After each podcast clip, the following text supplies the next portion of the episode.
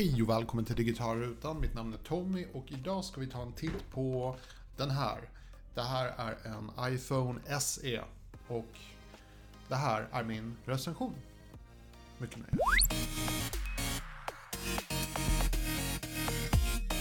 Så jag personligen föredrar den här lite större storleken. Den här det här är en iPhone 7, 4,7 tum och det här är iPhone SE. Samma storlek som iPhone 5S och iPhone 5 innan. Det är en väldigt stor skillnad vad gäller storlek. Um, jag skulle säga att um, en iPhone SE är den perfekta storleken om du vill ha en smartphone som är så liten som möjligt utan att det blir störande litet. Um, vad gäller prestanda så får du väldigt mycket med tanke på hur mycket du betalar för den här. Sådana här ligger på runt 3000 kronor. Um, de finns i konfigurationen 32 GB och 128 GB.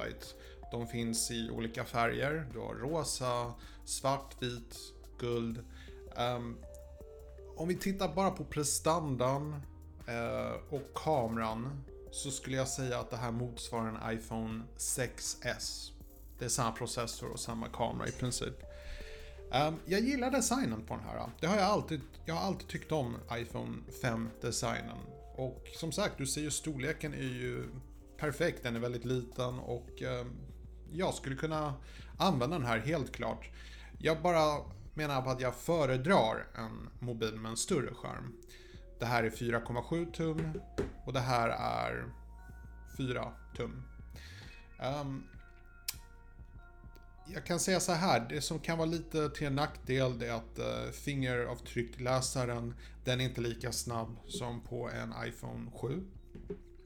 Den är inte vattentät. Um, och visserligen kameran på baksidan, den filmar i 4K och det är 12 megapixlar. Den kameran är helt okej. Okay.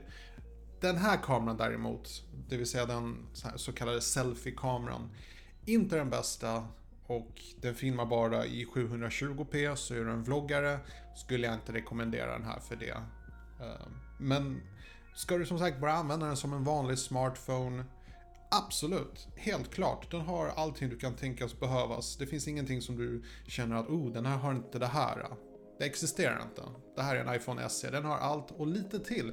Den har faktiskt ett hörlursuttag, vilket inte min iPhone 7 har. Så många plus. Vad gäller batteritid skulle jag säga precis som vilken smartphone som helst. du klarar det ungefär en hel dag med den här. Inte mer, inte mindre.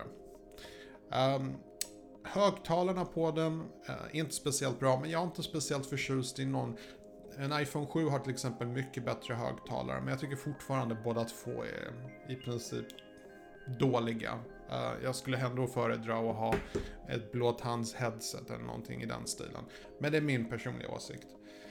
Um, alltså allting syns ju på den här lilla skärmen. Den är inte helt oanvändbar. Men den är mindre. Den är ju definitivt mindre om man jämför. Um, för vissa funkar det, för andra funkar det inte. Jag menar, jag vet att det finns de som inte tycker den här är tillräckligt stor. De föredrar en plusmodell Eh, jag gillar verkligen priset. Jag tycker att du får väldigt, väldigt mycket med tanke på att den här kostar 3000 kronor och du får ändå väldigt mycket på köpet. Um, återigen, det enda stora klagomålet jag har i så fall, det är selfie-kameran. Men använder inte du selfie-kameran så mycket, men du kan fortfarande ta selfies, det är inte det. Men om du ska filma dig själv, vilket jag ofta gör, då är det nog inte det bästa. Um, så det är det. Jag har faktiskt inte så mycket mer att säga. Uh, ett utmärkt köp. Jag vill komma undan billigt. Då är det här den billigaste iPhonen som finns 2018. Uh, eh, det kommer komma en ny iPhone SE-modell antagligen senare i år. Uh, antagligen kommer den dock vara dyrare. Så jag tror att det här är ett väldigt bra köp och jag rekommenderar den här definitivt. Uh, har du några frågor om den här? Bara ställ en fråga i kommentatorfältet nedan så återkommer jag. Ha en fantastisk dag. Ta det lugnt.